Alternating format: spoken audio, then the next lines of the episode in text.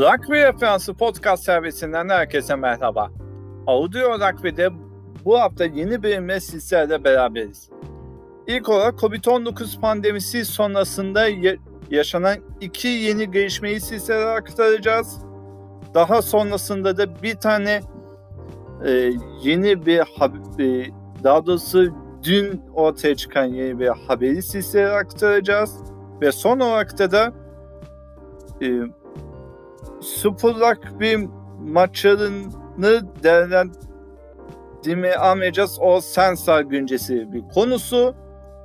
Ama farklı bir konu hakkında bir şey aktaracağız. İlk olarak şunu söyleyeyim. Artık Kuzey Yarımküre'de de rugby maçları oynanmaya başladı. Rusya Rugby Premier Ligi ya da yeni haliye Rusya Rugby Şampiyonası bugün başladı. Ee, iki yeni takımın da katılımıyla 10 takımın mücadele ettiği Rusya Rugby Şampiyonası da ilk maç e, Lokomotiv Pensa ile BBA Potmoskovye arasında oynandı.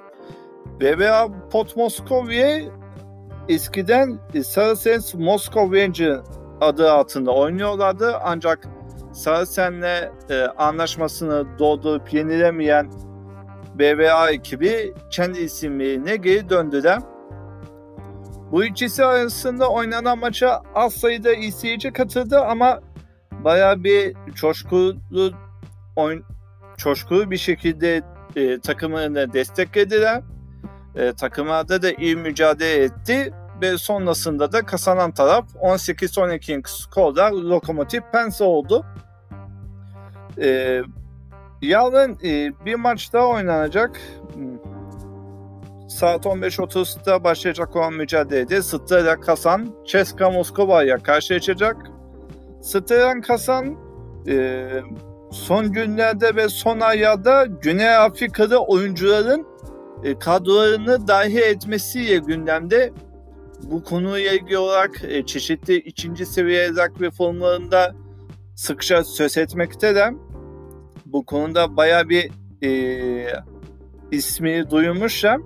Ceska Moskova ise bir süre rugbylik deneyiminin ardından e, Rusya Premier Ligi'nin yolunu tuttular ve rugby birliğine geçiş yaptılar haliyle.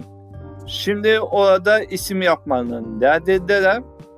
Bu iki takım arasındaki mücadeleyi e, dileyenler YouTube üzerinden takip edebilirler.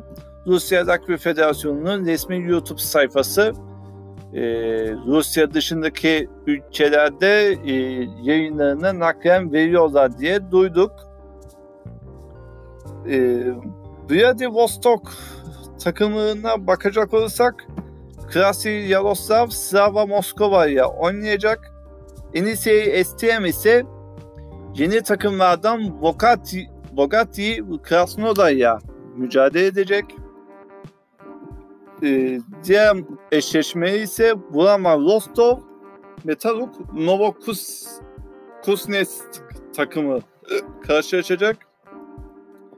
Ee, daha sonrasında da 9 haftalık mücadelenin ilk haftası geride kalacak.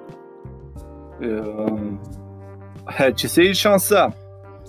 Şimdi e, Covid-19 pandemisi sonrasında ilk mücadeleyi söyledik. İlk geldiğimizde ise bir ilk daha e, sezonun kanununa ilgili planlarını açıkladı. Bu da Pro 14. Onlar da 22 Ağustos'ta başlayacaklar ve 4 haftada bitirmeyi planlıyorlar. Ee, tabii bunlar da e, hükümetlerin ve federasyonların yapacakları son karara göre belli olacak. E, silah e, aksi takdirde o planda düşebilir ve Fransa Top 14'te de olduğu gibi sezonun tamamı iptal de olabilir. Eğer her şey yollarına giderse ilk iki hafta e, takımlar kendi bölgelerindeki rakiplerle eşleşecekler şöyle söyleyeyim. İskoçya, Güney Afrika ve İtalya takımları kendi aralarında oynayacaklar iki defa. Galya ve İrlanda ise birbirleriyle bir maç yapacaklar. Daha sonra e, 15 haftalık periyot tamamlanacak ve konferanslarında ilk iki sırayı alan takımlar yarı finale yükselecek. Tabi bu da her şey yoluna gider ve o haliyle kabul edilirse Leinster'ın doğrudan yarı finale yükseldiği anlamına geliyor. Yarı finalin 5 Eylül'de, finallerin ise 13 Eylül'de oynanması planlanıyor. Bunları da hallederlerse e, gayet e, rugby severleri keyifli anla yaşatacaklarını söyleyebiliriz. Sonrasında NRL'e geçiş yapacağım. NRL'de Newcastle Knights Brisbane Broncos karşı karşıya geldi. E, National Rugby League'in ilk haftasında oynanan mücadelede Newcastle Knights e, özellikle de ikinci yarıda tuttuğu kontrolden sonra Brisbane Broncos'u 27 altın mağlup etmeyi başardı. Bununla ilgili olarak ıı, şunu söylemek lazım. Daniel Safeti'nin e, adı e, haberlerde sıkça geçiliyor. Onun e, galibiyetteki katkısını baya büyük olduğu söyleniyor.